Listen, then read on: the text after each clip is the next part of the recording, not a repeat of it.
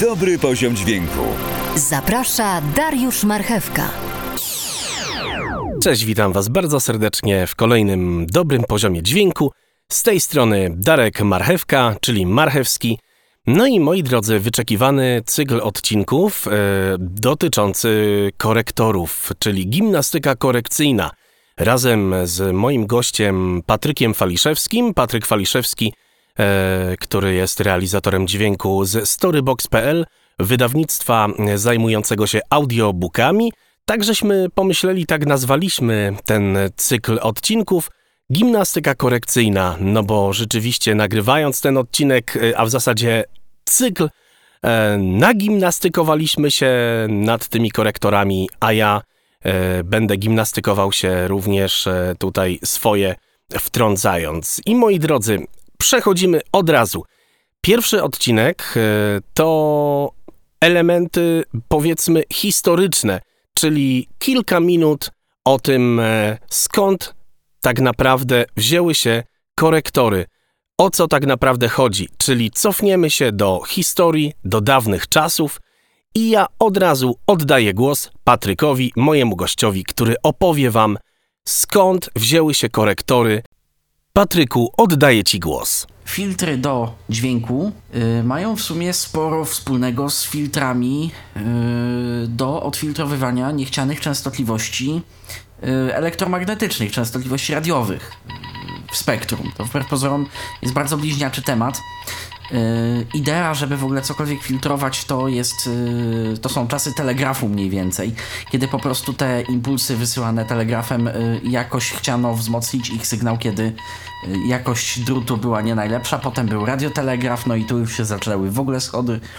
Na szczęście, na przykład alfabet Morsa, no to jest jedna częstotliwość yy, z reguły, jakaś tam, którą sobie wcześniej ustalimy. No i zaczęto dewagować, jak tu, jak tu by yy, odfiltrować yy, taką częstotliwość konkretną, pojedynczą, bez większych problemów. I zrobiono to strasznie analogowo, robiono to bardzo różnymi metodami, nie będę się tutaj wgłębiał w szczegóły. Natomiast to, co dziś znamy jako korektor, Mm, to y, urządzenie, które rozwinęło się jeszcze o krok dalej. Mianowicie y, mnóstwo programu, mnóstwo zawartości do pierwszych raczkujących wtedy stacji radiowych, ale i y, ogólnie po prostu między użytkownikami odbywało się na początku XX wieku po y, telefonie, po prostu i pod koniec XIX. Więc, więc po prostu, jeżeli linia telefoniczna była długa, jakoś trzeba było rozwiązać problem zarówno jej poziomu sygnału w całym spektrum do najdalszego użytkownika, jak i faktycznego brzmienia tej analogowej linii od telefonu A do telefonu B.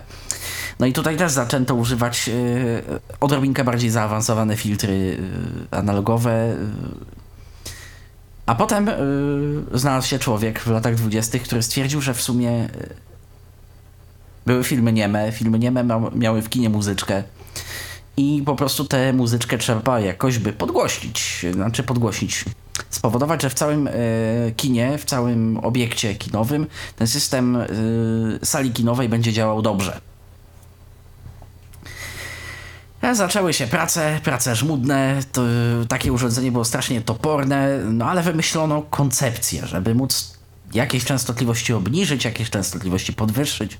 Ten protokorektor, nazwijmy to, miał chyba jedno albo dwa pasma, już nie pamiętam w tym momencie, wybaczcie. I po prostu y, dobijając do brzegu, to co znamy dziś jako korektor, to co widzimy w konsolach, mikserach, yy, wieżach segmentowych, jeżeli pamiętacie, to są lata 60. i później tak naprawdę. Dopiero w produkcji muzyki zajarano się tym, że w sumie można y, tym dźwiękiem manipulować, bo, bo korektory z lat 20., 30. były strasznie użytkowe. One y, dostosowywały jakby brzmienie do warunków akustycznych, do sali, do, do czegoś takiego. A dopiero w latach 60. zaczęto się tym bawić w sposób estetyczny, y, że y, po prostu z, zaczęto ingerować, zaczęto wpływać na brzmienie w sposób kontrolowany, z premedytacją i pełnym zamysłem. Więc yy, wracając do meritum. Korektor to zestaw różnego typu filtrów, zachowujących się bardzo różnie. Yy, Darek dobrze mówił, że temat jest szeroki. Dokładnie jak każdy temat dotyczący dźwięku.